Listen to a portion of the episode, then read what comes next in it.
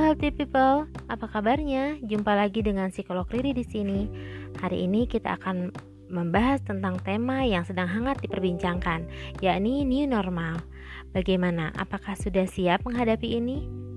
Ternyata secara psikologis manusia butuh tiga fase dalam menghadapi tahapan new normal. Pertama adalah acceptance atau tahap penerimaan.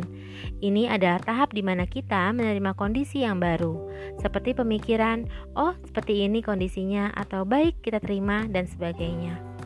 Lalu, fase kedua adalah adaptation atau adaptasi. Ini adalah fase di mana kita belajar untuk mengatasi kondisi-kondisi yang baru. Dan yang ketiga adalah implementation, di mana kita menerapkan apa yang telah kita pelajari dari kondisi tersebut.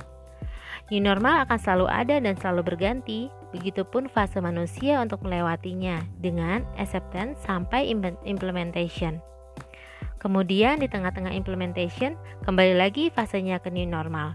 Ada lagi normal yang baru, begitu seterusnya.